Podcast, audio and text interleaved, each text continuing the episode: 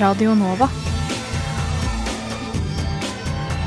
Akkurat nå hører du på en podkast fra Radio Nova. For det hovedspørsmålet det hadde vært siden eh, Noam Chomsky etablerte den greina av lingvistikken som, som jeg befinner meg i. Vi håper jo på bredest mulig oppslutning om SV, og jeg tror at det eneste som kan få norsk løsner båndene mellom staten og kirka, og forhåpentligvis fører til tettere bånd mellom kirka og folk. Så hadde de gjort som andre fjøringsbevegelser i verden, hadde de helt legitimt kanskje tatt i våpen. Og, så direkte skildring av menneskeskjebner tror jeg ikke vi har sett eh, i noen annen nyhetsdekning av noen annen terroraksjon. Det er såpass store forskjeller mellom den kalde krigen, hvor det var to stormakter som sto mot hverandre, eh, og den situasjonen vi har i dag. Du hører på samfunns- og aktualitetsmagasinet Opplysningen 99,3 på Radio Nova. Opplysningen 99,3 på Radio Nova. Ti år har EU hatt sanksjoner overfor Europas siste diktatur, Hviterussland. Nå oppheves sanksjonene uten at landet er blitt noe mer demokratisk med åra. Så hvorfor? Er forbrukermakt egentlig kun et teoretisk pressmiddel, eller kan vi, faktisk, vi forbrukere faktisk presse fram endringer hos produsentene? Professor Runa Døving og Siri Martinsen fra NOA møtes i debatt. Panama Papers er tidenes største dokumentlekkasje og har avslørt pengeflukt i milliardklassen blant statsledere og politikere verden over. Så vi spør oss hvordan står det til med åpenheten rundt pengestrømmer her i landet? En har en innvirkning på den enkelte nordmanns selvfølelse og identitet. De sliter, og de har ikke råd til å betale eh, markedspriser for, for gassen. Akkurat nå hører du på Radio Novas samfunns- og aktualitetsmagasin, Opplysningen 99,3. God formiddag og velkommen til Opplysningen 99,3 fredag 8. april. Vi er altså Radio Nova samfunns- og aktualitetsmagasin, og i dag skal vi både utenriks og innenriks. Du får debatt, innsikt og opplysning fra så ulike fagfolk som en veterinær, sosialantropolog, en statsviter, journalist, en fotballspiller, en forskningspraktikant og en politisk rådgiver. Mitt navn er Signe Grape. Og i dag har jeg en medprogramleder, Miram Johannessen. Og du har fått to i studio for å snakke om det som mange mener er verdens viktigste sak fotball. Yes. Internasjonal fotball, og særlig Fifa og Uefa, har uh, vært i hardt vær de siste årene, og korrupsjonsklagene har haglet. Uh, men også når det gjelder likestillingen, er målet uendelig langt unna. Kun to av 207 har, med stemmerett i Fifa er kvinner. Det er få kvinnelige trenere, dommere og kommentatorer på toppnivå. Man skulle kanskje tro det sto bedre til i Norden, men også her er kvinneligaene små, interessen er liten, og lønningene er mikroskopiske. Hvorfor er det fortsatt slik, og hva gjøres for å rette på det skjevheten? Med oss i studio har vi politisk rådgiver for SVs stortingsgruppe og fotballblogger Mina Finstad Berg. Velkommen. Takk, takk. Og eh, Stabæk-spiller og landslagsspiller Trine Rønning. Velkommen. Takk for det. Aller først så vil jeg spørre, er kvinnefotball rett og slett litt tabu? Eh, mange vil jo si det, men eh, for meg er det ikke det for dem som eh, interesserer seg for eh, fotballspillet. Tror jeg heller ikke det er det. Men, men jeg føler at det tabubegrepet er på vei ut, egentlig. Men det er, det er nok en del som henger igjen ennå. Mm. Tror mye har skjedd de siste årene. jeg tror at hvis du går sånn 20 år tilbake, så var det kanskje Du ble sett litt rart på hvis du var jente som spilte fotball eller interesserte deg i fotball. Men uh, jeg syns at man ser en framgang. Altså, at det blir stadig flere kvinner på, på, TV når man diskuterer fotball. Og også at eh, f.eks. landslaget får mye mer oppmerksomhet nå enn tidligere. Mm. men Trine, du er jo fotballspiller. føler du at det er noen konsekvenser som fotballspiller og kvinne? Som konsekvent Ja, det er veldig sånn. Men det, det er liksom Jeg kan mer med stolthet si nå at jeg er jente eller jeg begynner å bli en gammel dame, da. Men, og at jeg spiller fotball. Sånn for det var for 10-15 år siden. Da, da, var det litt mer sånn skummelt og følte å se litt ned på. Og, så går det jo litt utover den uh, hverdagen vår, da. Mm. Det, du blir jo ikke rik på å spille damefotball. Det, det, er ofte man ringer hjem til mamma og pappa og spør om uh, noen kroner ekstra for at det skal gå rundt på månedene. Og det, da brukes ikke de pengene på pils og pizza, for å si det sånn. Og så ser man jo, Hvis man f.eks. tar VM i Canada, som var i fjor sommer, eh, så var det jo ganske mye kontrovers rundt det at man valgte å spille på kunstgress. Mm. Det ville man, man ville jo aldri noensinne spilt et herre-VM på kunstgress. Det ville vært totalt uaktuelt. Og det man så, var jo det at de banene eh, var så dårlige at mange av spillerne fikk brannsår, de ble overoppheta, måtte vannes før kamp. Det ville man aldri sett i et herre-VM, og det ble det ganske mye protester rundt fra laget nå, naturlig nok, fordi man ikke får spille fotball under de beste forutsetningene. Ja, vi er jo, vi er jo vant med å ta det vi får.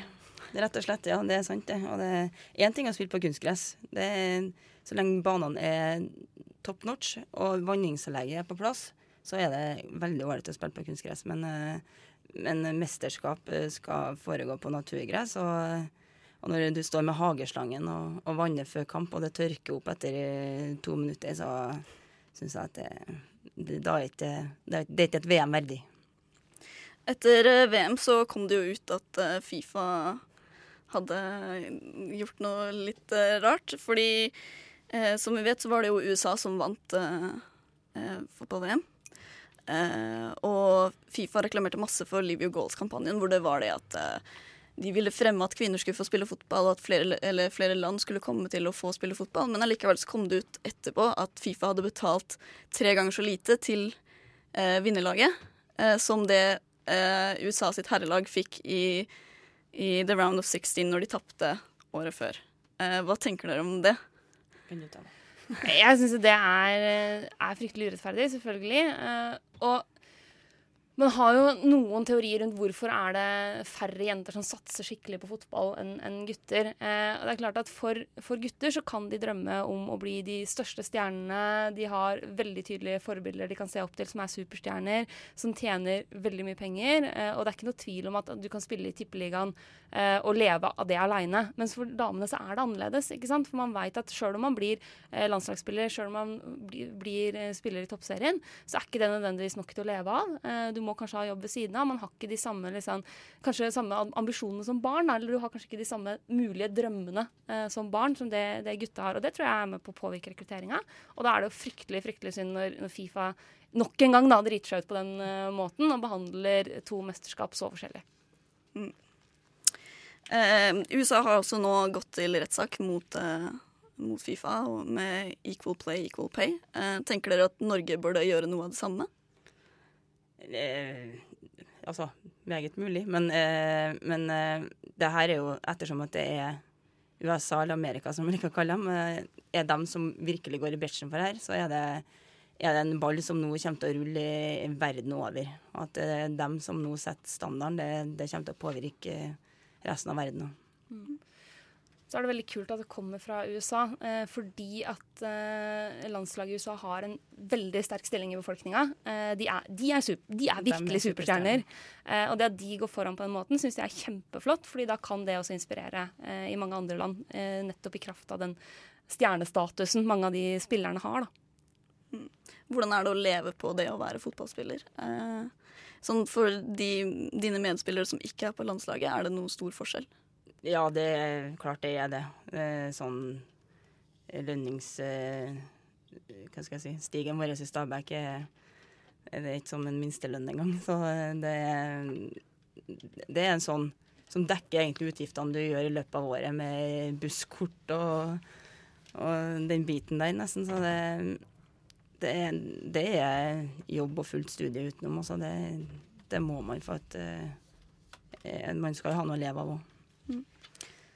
Hva, hva tenker dere skal til for at uh, folk skal finne interessen for kvinnefotball? Ja, det er jo den nøtta man må knekke. Hadde man jo visst det, så ville man ha, ha bidratt for lenge, lenge, lenge siden. Men uh, man er jo på riktig vei nå, sånn når NRK nå har virkelig gått inn og satsa, du ser liksom når det blir flerkameraproduksjon, f.eks. Eh, så er det mye mer action som Du slipper å vente på et innkast som eh, tar liksom tre minutter for at eh, ball, balljenta på sju år liksom vet ikke hvem man skal kaste. Altså den biten der. Mm. Så det er veldig stor forskjell når det blir likt som på gutta. Mm. Det, ja. Så tror jeg også at landslaget har vært med på å gjøre en viktig jobb allerede. og gjør en veldig viktig jobb. På den ene sida fordi at landslaget leverer resultater og god fotball, kvalitet. ikke sant? Eh, kommer seg til VM, gjør en god jobb. Eh, kjempegod i EM sist. Eh, som jo gjør, altså Vi nordmenn er jo litt sånn at vi interesserer oss for alt idrettsaktig eh, som Norge kan vinne noe i. Altså Om det er sjakk eller curling eller fotball, er litt sånn så lenge Norge har sjanser til å vinne noe, så, så er vi med. Eh, og det er bra. Og så mener jeg også at landslaget nå har veldig mange kule profiler en blanding av liksom, veteraner man kjenner har et forhold til, og unge, spennende talenter som er og som, mange som snakker rett fra levra. og Det tror jeg også hjelper på å skape interesse rundt landslaget. Og så får man håpe at da, da, har du også lyst til å se de spillerne i seriekampene, eh, om det er i toppserien eller for enkelte i, i Champions League.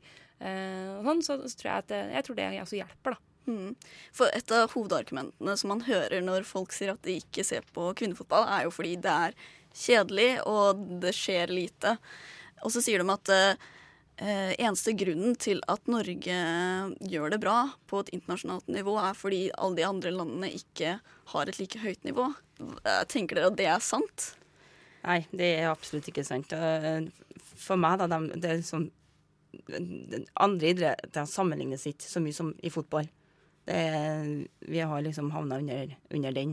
Og for dem som si den biten her, har ikke skjedd mange damekamper. Det, har vært og sett mange herrens eh, herrekamper, jeg òg. Men det er liksom den spenninga og den eh, Ja, altså se kvaliteten på spillerne og spillet òg. Liksom Det er det samme. Det, selv om det er fysiske forutsetninger, så, så jeg syns ikke at det er så stor forskjell på den tekniske og taktiske biten da, som folk eh, skal ha det til. Mitt inntrykk er jo at nettopp de som sier at ja, damefotball er kjedelig, bla, bla, bla, jo knapt aldri ser damer spille fotball. Eh, og hvis du f.eks. syns at det er kjempespennende å se Sogndal mot Sandefjord i Tippeligaen, men ikke syns det er noe spennende å se VM-finalen i Canada, så, så, tenker jeg at da, har du, da er du ganske forutinntatt. Da. da har du bestemt deg på forhånd eh, hvilke av de to kampene du skal synes at er mest underholdende, for å si det mildt. Ja.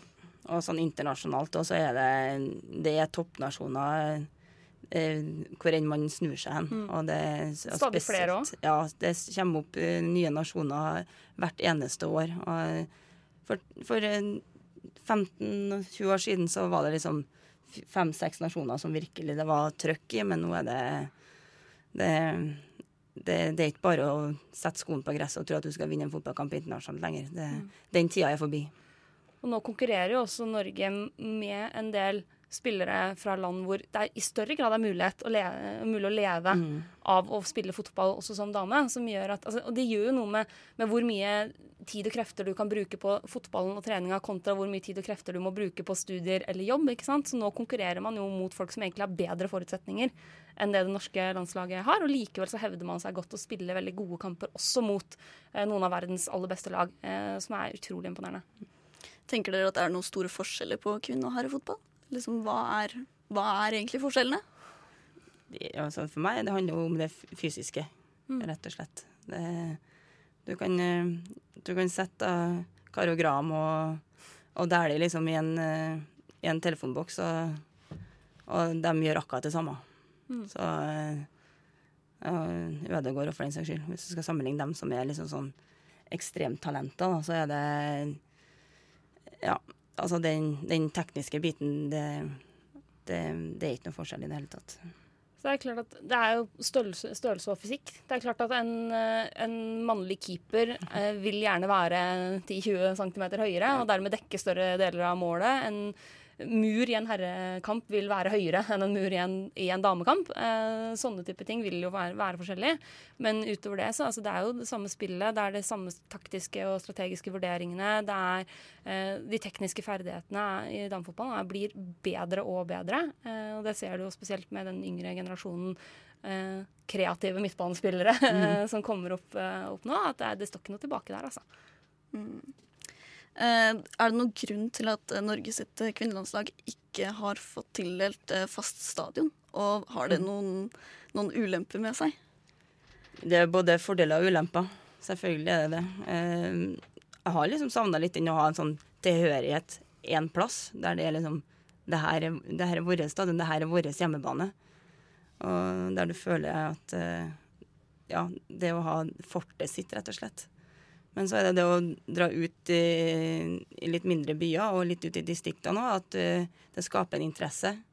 Og endelig så skjer det noe i, i de byene òg. Så uh, det kommer mye folk, og folk er ivrige, og, og ja, vi når ut til flere, da, enn om det skulle bare ha vært i Oslo-området. For uh, interessen har vært mest laber når vi har hatt det her i Oslo. Og så drar vi ut, så plutselig er det 4000-5000 på kamp, og det, det er kult. Merker du noen forskjell på hvem som kommer til eh, Stabæk-kamper og hvem som kommer til landslagskamper? Er det større pågang på landslagskamper, eller er det Jeg tenker sånn i forhold til Stabæk-fansen, om de kommer og kikker på landskamper og sånn. Mm. Eh, I starten så var det det, og jeg vet at de mest ivrige nå er jo Stabæk-support, og de er en eh, trofast kjerne. De er ikke så mange lenger, men de er trofast. Og mange av dem er å kikke landskamper, det er de. Men uh, de står ikke og, og roper, roper Stabæk-sanger da, for litt. um, når vi researcha dette emnet, så fant vi ut at uh, 19, på 1970-tallet var først da kvinnefotball faktisk ble lovlig å spille i England. Hva, hva, hva sier det om historien til kvinnefotball? det er jo sant, ja. ja. Det er faktisk det. Altså. Jeg, jeg, tenker Det sier noe om hvor enormt langt man har kommet på, på ganske kort tid. da. Eh, og det, det, er jo veldig positivt. For jeg tenker at eh, hvis man da de, de liksom første 45 åra har, har, kommet seg såpass, eh, såpass, langt som vi har nå, så kan man jo tenke at man kan fortsette den, den utviklinga. Eh, men så veit jeg at det er jo en del land hvor det fortsatt ikke er lov for kvinner å mm. spille, spille fotball, eller se fotball på stadion.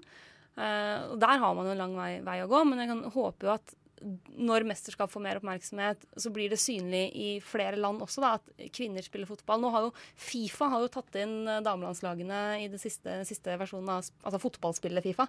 Det tror jeg også kan ha en effekt, altså. Absolutt. Absolutt, jeg er helt enig. Vi, vi får jo være med der nå til neste år. Det skulle egentlig være litt hemmelig, men så var det Ada Hegerberg som eh, posta på Instagram, og da slappa den bomba, for det mm. skulle bli offentlig. Det var veldig koselig at dere hadde lyst til å komme hit i kveld. I dag. I mor i, på morgen. eh, tusen takk til dere to. Bare hyggelig. Bare hyggelig. Akkurat nå hører du på en podkast fra Radio Nova. Hviterusslands president Aleksandr Lukasjenko har styrt sammenhengende siden 1994, og har av mange blitt kalt Europas siste diktator. Opposisjonen i landet er fullstendig marginalisert, og menneskerettighetsbrudd er ikke uvanlig. Etter fjorårets presidentvalg, der Lukasjenko ble valgt for femte periode, gikk EU ut og mente at valget var så åpent og rolig som mulig, og besluttet å oppheve de ti år lange sanksjonene mot landet. Dette til tross for at Organisasjonen for sikkerhet og samarbeid, OSSE, kritiserte valget og sa at det var langt fra fritt og åpent. Så hva er egentlig grunnen til at EUs beslut Eh, til EUs beslutning om å oppheve sanksjonene, og hvilke følger har dette? Eh, juniorforsker i forskningsgruppen for eh, Russland, Eurasia og Arktis ved NUPI, Norsk utenrikspolitisk institutt, Malin Østevik, velkommen. Tusen takk. Så hvorfor har EU hatt sanksjoner overfor Hviterussland? De har hatt sanksjoner overfor Hviterussland siden 2004, og det har vært eh,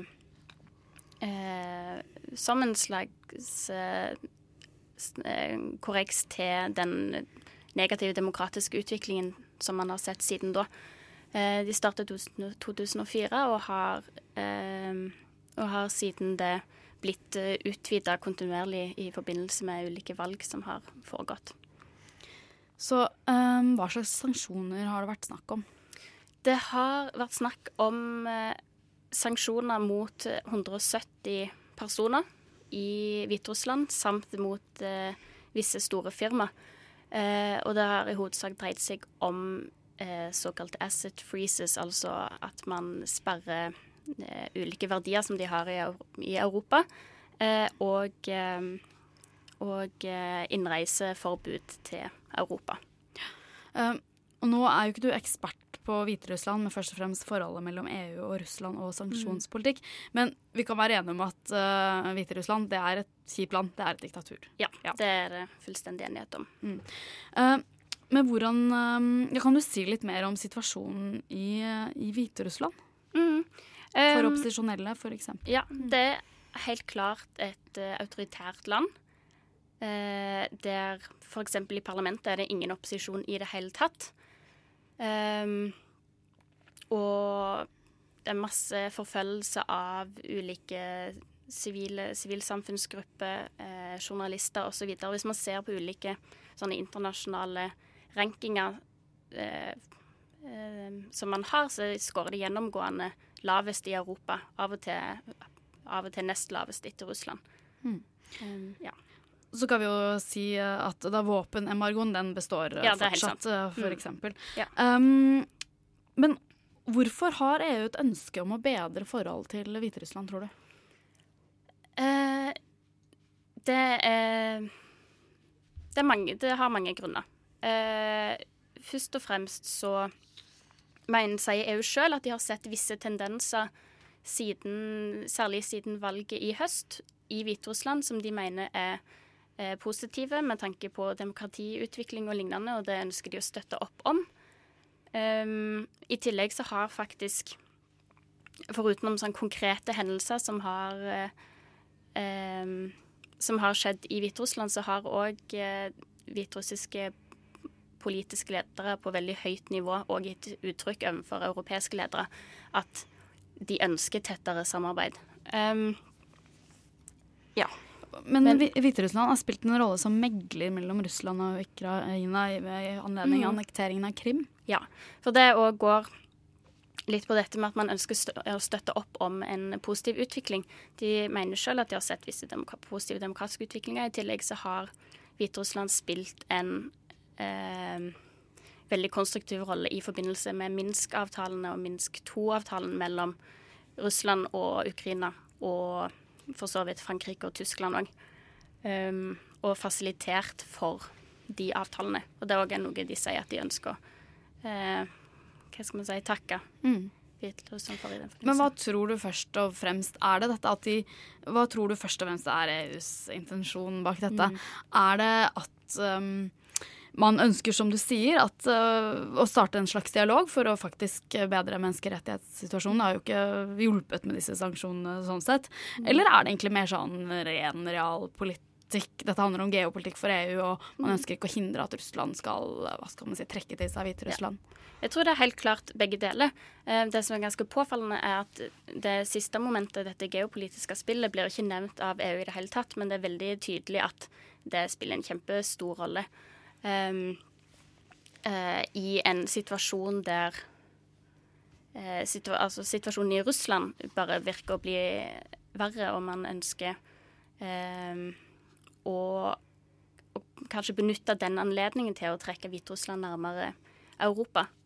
Um, ja, I tillegg så har det faktisk det må nevnes, det har vært en del tendenser eh, i Hviterussland der de sjøl sier at de ønsker å eh, forbedre relasjonene til Europa, og òg ønsker å komme seg litt ut av Russlands innflytelsessfære. Um, Men, det, eh, men som sagt, uh, Hviterussland absolutt eh, et diktatur. Forfølger Mm. sine opposisjonelle. Ja. Da virker det litt eh, rart, da, for å si det forsiktig, at EU Mm. opphever disse sanksjonene. Hva slags eh, kritikk har det kommet på denne opphevelsen? Det har kommet mye kritikk. Det jeg syns er mest interessant å merke seg, det er egentlig kritikken fra ukrainske opp, nei, unnskyld, hviterussiske opposisjonelle, sjøl, som sier at uh, dette vil ses på som en som et budskap til Hviterussland om at de kan fortsette denne uh, denne etterforfølgelsen av opposisjonelle. Eh, at de ikke trenger å reformere det politiske systemet eh, osv. Så, de er de som har kritisert eh, kritisert et initiativ fra EU absolutt aller mest. Mm, og så har det vært en FN-utsending på plass i Hviterussland Mm. som også Det har det. De har ikke eh, Det har vært en FN-utsendelse eh, til Hviterussland som kom med en rapport i januar eller februar som sa at de har faktisk ikke sett noen bedring av eh, men, situasjon- menneskerettighetssituasjonen. De har ikke sett noen initiativ til å reformere det politiske systemet. Så faktisk de sier at alt dette som EU mener at de har sett tendenser til forbedring på, det har ikke de sett. i det hele tatt. Men nå sier jo altså EA at de skal forsøke dette. De kan eventuelt gjeninnføre sanksjonene om det Mm. blir nødvendig. Eh, og så ønsker, håper de på kanskje at dette vil føre til at Lukasjenko åpner opp. Til Mm. slutt, tror du at dette kan skje? Det er vanskelig å si, kanskje. Eh, men jeg tror det viktigste er kanskje å høre på de som sjøl kommer derfra, og som sier at dette er en dårlig politikk. Og det tror jeg, jeg tror det er de som vet best. Mm. Takk til deg, Malin Østvik. Du er altså juniorforsker i forskningsgruppen for Russland, Eurasia og Arktis ved NUPI. Akkurat nå hører du på en podkast fra Radio Nova. Kan vi som forbrukere være med å presse frem endringer hos produsenter av matvarer, klær og andre produkter vi kjøper? Eller er det å velge med lommeboka bare en fin teori som dessverre ikke funker i praksis? Runar Døving, professor i sosialantropologi ved Høgskolen Kristiania, og har forsket mye på forbrukeratferd, og Siri Martinsen, leder i organisasjonen NOAH for dyrs rettigheter. Velkommen. Takk. Eh, Døving, du skrev nylig en kronikk på NRK Ytring hvor du slo fast at forbrukermakt ikke virker, og at det knapt finnes empiri som sier noe annet. Eh, Hvor du kjapt da fikk et motsvar av Martinsen, som nettopp kunne peke på at kampen mot f.eks. pelsoppdrettsnæringa er et godt eksempel på at du tar feil. Eh, Døving, hvorfor er du så skeptisk til forbrukermakt? Eh, først og fremst fordi at, um, at produsenter får en beskjed eh, gjennom de produktene som ligger i butikken om at det de gjør er riktig. Enkelt og greit. Er det så enkelt? Ja, eh, ja nettopp fordi at man, man sier at forbrukerne får de varene de vil ha, og, og man tenker seg at eh, verden er etterspørselsstyrt. Men poenget er at det er butikkene som bestemmer hvilke produkter som skal være i, være i butikken. Ellers hadde ikke eh, First Price Cola eksistert, for å ta et enkelt eksempel. Men du er ikke bare skeptisk, du sier at det er umoralsk, feigt og antivitenskapelig av politikere og ideelle organisasjoner å overlate beslutninger til forbrukere. Ja, og, og det er en spissformulering som jeg eh, står inne for. Eh, fordi at eh, særlig på politikknivå og eh, for, for, for produsenter og detaljister, så er det, er det viktig å vite at man, at man har et ansvar, og at man skal ta, ta, beslutning, ta beslutninger. Og når politikken overlater eh, eh, sin politikk til reklamebransjen og informasjonsbyråer, så er det ikke der gode beslutninger ligger. Altså Hvis man vil ha slutt på, på mishandling av, av høner, så, så holder det ikke eh, med, med et forbrukervalg. Da må man ta en politisk beslutning om hvordan hønene skal ha det, og så gå til eh, eksperter, f.eks. i NOA, og, og, og spørre liksom hva er galt og hva er riktig, og så ta en beslutning for hvordan hønene skal ha det. Ved å overlate det til forbrukeren, så blir det galt. Poenget er at forbruker ikke er en gruppe, forbruker er en kategori. Og det betyr at forbruker ikke er godt nok organisert.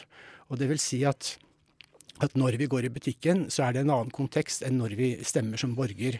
Slik at, eh, at eh, den type beslutninger bør og kan ikke overlates eh, til forbrukere, men bør overlates til politikere og også ansvarlige produsenter og ansvarlige det, det, detaljister. Så det er, det er hovedpoenget, altså at forbrukere ikke er godt nok organisert. Eh, Martinsen, så- ja, kan ta uh, neste poeng snart. Um, Martinsen, er ikke dette et godt poeng? Uh, forbrukere er tross alt ikke godt organisert, det er ikke en enkelte gruppe, og det må alltid være politikken som er viktigst. Vi er jo alle forbrukere, og noen av oss er ganske godt organisert. Um, um, men det stemmer at uh, politikk er uh, altså uh, hva vi gjør som enkeltmennesker, forbrukere eller politisk engasjerte, det er det, er det ene. Og, og hva politikerne gjør når de er i en maktposisjon, det er liksom den andre siden av det. Og det, disse sidene henger sammen.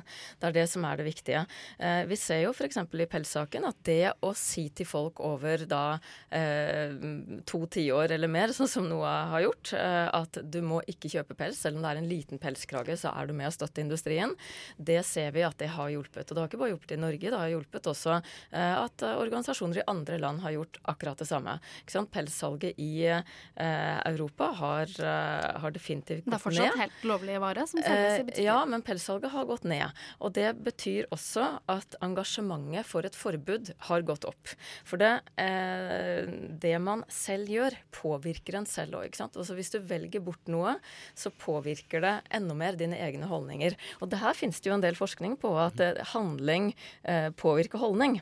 Eh, så, så når man da velger bort noe selv, eh, blir enda mer engasjert i at dette er feil, dette bør forbys eh, fordi det er dyreplageri, da eh, er man også en mer eh, altså, eh, Da er man også mer effektiv som del av en pressgruppe. Eh, og det har vi sett i Norge, at eh, nå eh, i 2010 så kom jo hele motebransjen på banen. Eh, og det hadde ikke skjedd eh, altså Det skjedde delvis fordi vi hadde engasjerte enkeltindivider i motebransjen, men vi hadde jo ikke fått Oslo Fashion Week til å si helt nei til fremvisning av pels hvis man samtidig hadde hatt et stort salg av pels i Norge. Eh, de måtte på en måte vite at forbrukerne kom til å applaudere dette, og ikke, ikke protestere. Og av dette Døving. så har vi også en politisk prosess nå, Ja. faktisk, i mange partier. Uh, Døving, er ikke dette et veldig godt poeng? Jo. Martin kan vise, vise til at dette funker faktisk. Helt og er det ikke uansett en litt sånn kunstig motsetning, enten forbrukermakt eller eh, Eh, politisk Jo, jeg er helt enig. Og sånn som, sånn som Siri Martensen eh, i noe av for, for, for, forteller det og forklarer det nå, så er det veldig godt poeng. Og det er helt, eh, helt, helt riktig, fordi at eh, for å få eh, for å få en politisk beslutning, for å få en påvirkning, så trenger du en eller annen form for press, og da er engasjementet kjempe, kjempe, kjempeviktig. Eh, men eh, så, så, så jeg tror nok vi er helt enige egentlig når det og det gjelder det. Og pelsdyreksempelet er et veldig godt eksempel. fordi at en langsiktig påvirkning og endring i, i samfunnet kommer fra engasjerte folk, som også klarer å vise fram eh, nær, næringen. Og det presser også en påvirkning i beslutningene som gjør at, at, at salget synker. Og dermed så er også forbrukere eh, viktige eh, i den nedgangen. Så totalt sett så er, så er det helt riktig. Så, så det, er- her handler det om påvirkning. så det er så det er når, når påvirkningen kommer opp eh, på et engasjementsnivå, så fører det til en beslutning. Så sånn sett, så hvis det er forbrukermakt, så er det riktig. Mm. Eh, men mitt poeng er at det synes ikke på en bunnlinje i seg selv. Martinsen. Det kan jo gjøre det til slutt, men jeg er helt enig i at det er mye mer effektivt å være en bevisst forbruker og gå inn i en butikk og si at ja, eh, nei, dette produktet eh, Og så ikke kjøpe pels, og samtidig si dette produktet vil jeg ikke ha, eller jeg vil ikke handle i denne butikken fordi dere selger pels. Ikke sant? Det å koble et synlig engasjement med, eh, med det å, på å si, leve som man lærer, da, ikke sant? og faktisk ikke kjøpe produktet, det, det er jo naturligvis det mest effektive. Og så eh, gjøre det i en organisert form også, gjerne ved å støtte opp om den politiske endringen. Hel, hel, helst det, men, men altså den, poenget er at den, den, eh, den organiserte formen, eh, for la oss si f.eks. Eh, kalkun. Eh, så, så altså måten vi eh, avler kalkun på, etter mitt skjønn, er ondt. Og, og, eh, og da hjelper det ikke at jeg ikke kjøper den. Eh, Da, eh, eh, da får vi ikke endret noen ting. Altså, det blir kanskje produsert en kalkun mindre.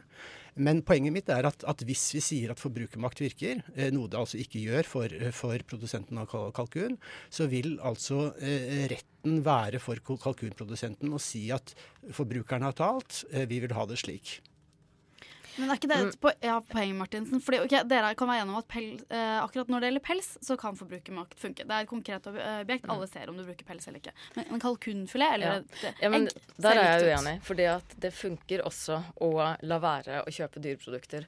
Uh, Det, det fungerer å kjøpe mer vegetariske produkter. Det ser vi at folk har begynt å etterspørre det, og da kommer det faktisk mer og mer inn. Men det er også helt riktig som, som du påpekte, at butikkene selv styrer mye av det folk skal spise. ikke sant? Og de store matkonsernene som har reklamepenger, som f.eks. kjøttbransjen, eh, de kan pøse ut reklame som også styrer hva vi skal spise. Så her er det veldig sterke krefter som presser på for å få oss til å velge eh, ja, billige dyreprodukter, for å si det rett ut.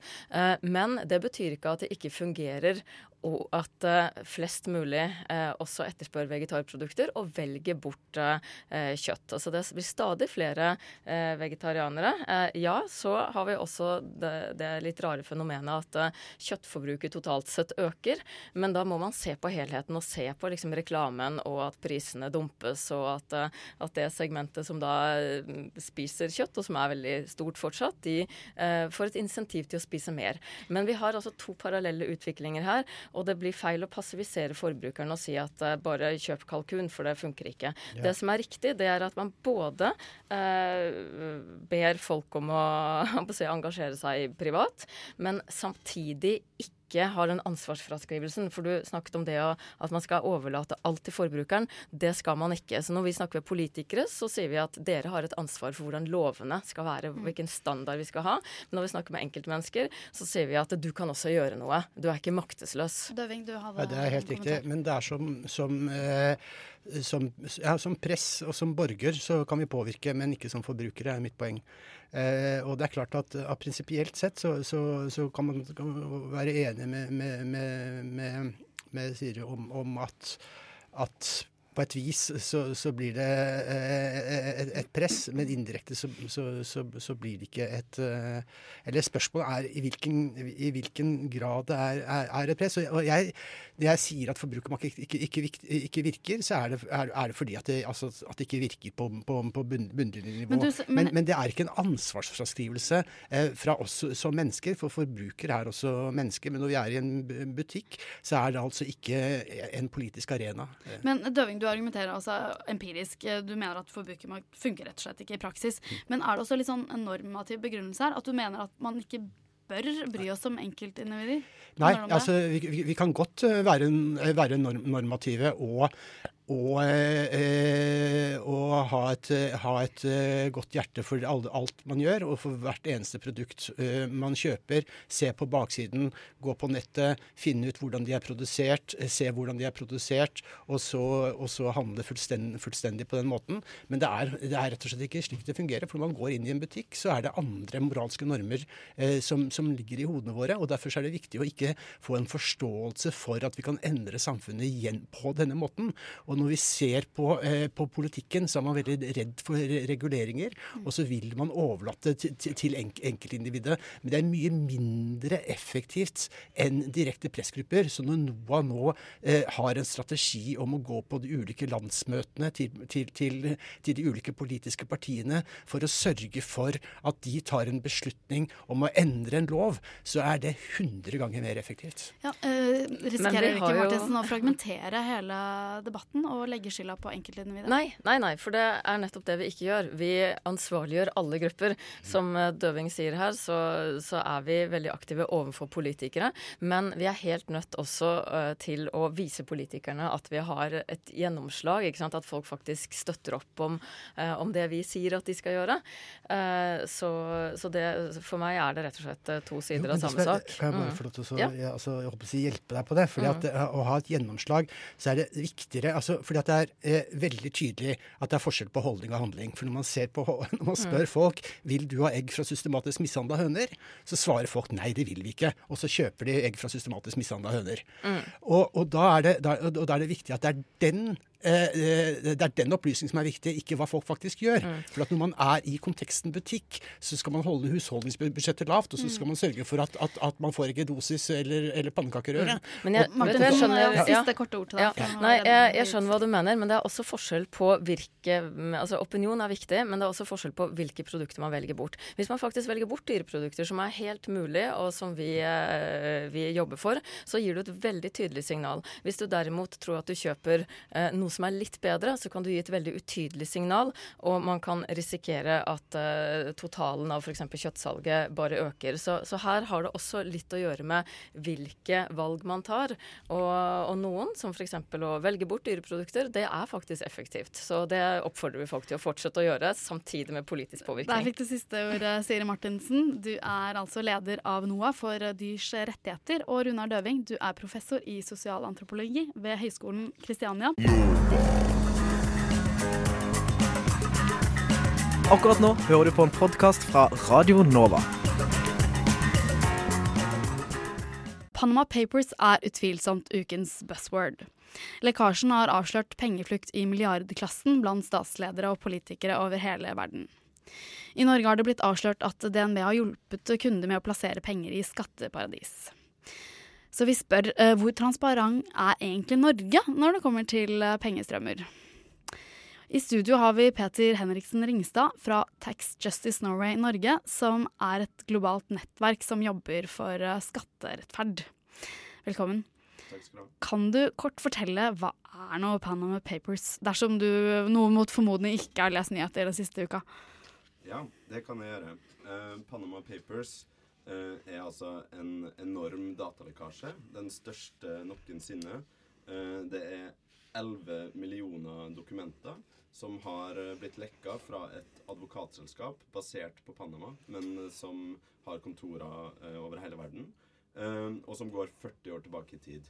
Eh, det som har blitt avdekka her, er egentlig et eh, innblikk i en global hemmeligholdsindustri. Um, og det den hemmeligholdsindustrien tilbyr, er tjenester som gjør at du uh, kan uh, ha kontroll over et selskap, uh, kan ha kontroll over verdier, formue eller inntekt, uten at din identitet kan være kjent. Um, og dermed så kan du eh, beholde eh, inntekter, verdier, formue, eiendom, uten at uh, f.eks. norske skattemyndigheter kan spore de verdiene og eiendelene tilbake til det. Det har de gjort gjennom å uh, opprette uh, anonyme selskap uh, i skatteparadis som Seychellene, eh, British Virgin Islands og andre. Og nå altså i Panama. Ja, Panama er også et av eh, landene der de har oppretta selskap, og det er det landet der dette advokatselskapet har hovedkontor. Men de har oppretta eh, selskap i over 21 skatteparadis rundt omkring i verden. Ok, Så det er, det er ikke bare Panama, det er et, Det er, det er globalt, globalt en global hemmeligholdsindustri, Ja, ja, er det nettopp. måten vi forklarer det på. Så det, liksom det store spørsmålet tidligere, er dette nødvendigvis ulovlig? Eh, det vi kan si, da, hvis vi kan ta utgangspunkt i den uh, saken som har blitt mest omtalt i Norge, som er DNB, så har det DNB har gjort, er at de har et datterselskap i Luxembourg, som er en eh, bank i Luxembourg. Eh, de har da tatt kontakt med dette eh, advokatselskapet, som heter Mossack Fonseca, og bedt dem på vegne av sine kunder å kjøpe eller opprette eh, selskap på Seychellene der det blir engasjert lokale personer som later som dem er de egentlige eierne og egentlig styremedlemmene eh, til selskapet, men som de norske da, bankkundene i praksis har kontroll over.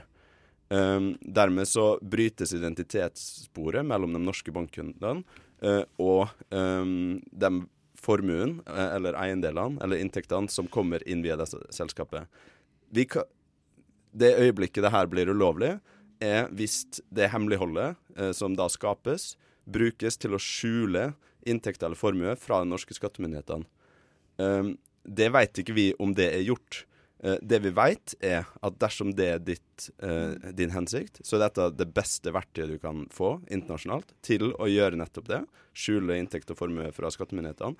Og vi vet at når det kom en lovendring på Seychellene eh, som gjorde at norske skattemyndigheter fikk muligheten til å få innsyn i disse selskapene, så fikk alle kundene til DNB som hadde denne strukturen, muligheten til å fortsette med disse selskapene, eller avslutte selskapene. Og alle valgte å avslutte de selskapene idet innsynet ble eh, større. Eh, det gir også en indikasjon om at det kan ha vært skattehensyn som lå bak. Uansett en ganske kronglete måte å bruke banktjeneste på, eh, kan man vel kanskje uansett eh, si. Men OK, dette var eh, det internasjonale Panama Papers. Det, det er jo tidenes største lekkasje, mange tusen ganger uh, så stort som Wikileaks.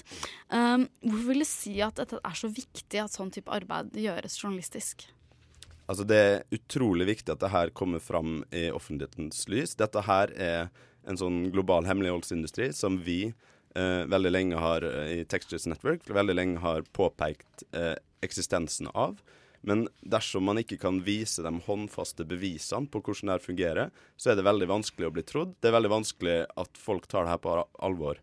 Nå har vi sett detaljene i det her, og vi ser at det ikke tåler dagens lys. Og det gjør at det kommer til å bli mye mer politisk eh, handling eh, enn det hadde vært hvis det ikke hadde blitt avdekt. Eh, Hvordan står det til med åpenheten om pengestrømmer i Norge? Ja, det er jo det vi har sett, da. At dette her er en global industri, egentlig, som også eh, eh, påvirker Norge, fordi vi er en del av en globalisert økonomi. Eh, og eh, DNB-kunder er ett eksempel på det, men det er også um, mange andre måter man i dag i Norge kan faktisk være skjult eier uh, i norske selskap. Eh, vi har f.eks. Uh, hatt uh, Sydvaranger gruve i Finnmark, som gikk konkurs nå rett før jul. Eh, deres største aksjonær har lenge vært en ukjent eier eh, Mm. som har skjult identiteten sin i skatteparadis.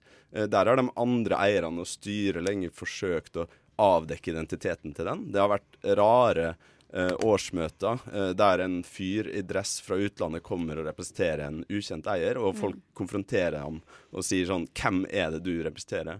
Eh, dette er liksom dette er den tingens tilstand i Norge i dag. Uh, og måten man gjør det her på, er at ingen, man ja, vi har ingen grunn til å tro at vi er noe bedre i klassen sånn sett. Uh, med oss uh, på telefon har vi nå journalist Vegard Vennli fra Kommunal Rapport. Er du med oss? Jeg er med dere. Der er du. Eh, og Kommunal Rapport er en avis eh, om Kommune-Norge eid av eh, KS. Og du har eh, personlig erfaring med at du har kjempet omtrent mot en vegg av norsk byråkrati i to år for å få innsyn i det norske aksjonærregisteret. Um, hva er det du forsøkte å få til? Du, altså når jeg startet med denne saken i 2013, så hadde jeg egentlig et ganske enkelt ønske. Jeg vil ha en oversikt over alle personer som eier eh, aksjer, aksjer i, i norske aksjeselskaper. Vil si både, både personer og selskaper, uavhengig av eh, om de gjemmer seg bak selskapsstrukturer. Eh, og det er riktig som du sier, jeg har holdt på i to og et halvt eh, år. eh, og det, det, det ironiske etter eh, to forslag om lovendring i Stortinget, som begge ikke ble noe av, seks klagesaker til Sivilombudsmannen, eh, så fikk jeg til slutt ut nøyaktig det jeg ba om eh, i 2013, uten at eh, lovverket hadde endret seg noe som helst. Så det vil si at gjennom to og et halvt år så nektet norske myndigheter meg innsyn i eh, oversikten over hvem som eier aksjer i Norge, når dette hele tiden hadde vært offentlig. Hadde, har de noe å skjule, eller hvorfor gjør norske myndigheter dette? Det er vanskelig å spekulere i uh, hvorfor uh, de gjør det. Jeg tror personlig det handler nok mest om kultur. At uh, kulturen i Norge er ikke at ja, selvfølgelig skal vi åpne opp. Selvfølgelig skal norske borgere få se det de har krav på, sånn at de kan delta i, i debatten. Men, men i stedet så sier man nei. Vi er litt engstelige for dette, og så holder vi igjen. Men, men vi ser jo nå med Panama-saken ikke sant, at nå tror jeg folk begynner å få øynene opp for, for hva dette faktisk eh, handler om, og hvorfor eh, alle, eh, og ikke bare pressen, trenger å få se og få vite hvem som faktisk eier et, et aksjeselskap. Um, og alle andre selskaper. mm. Ringsand, hva vil du si om Vennli sin erfaring?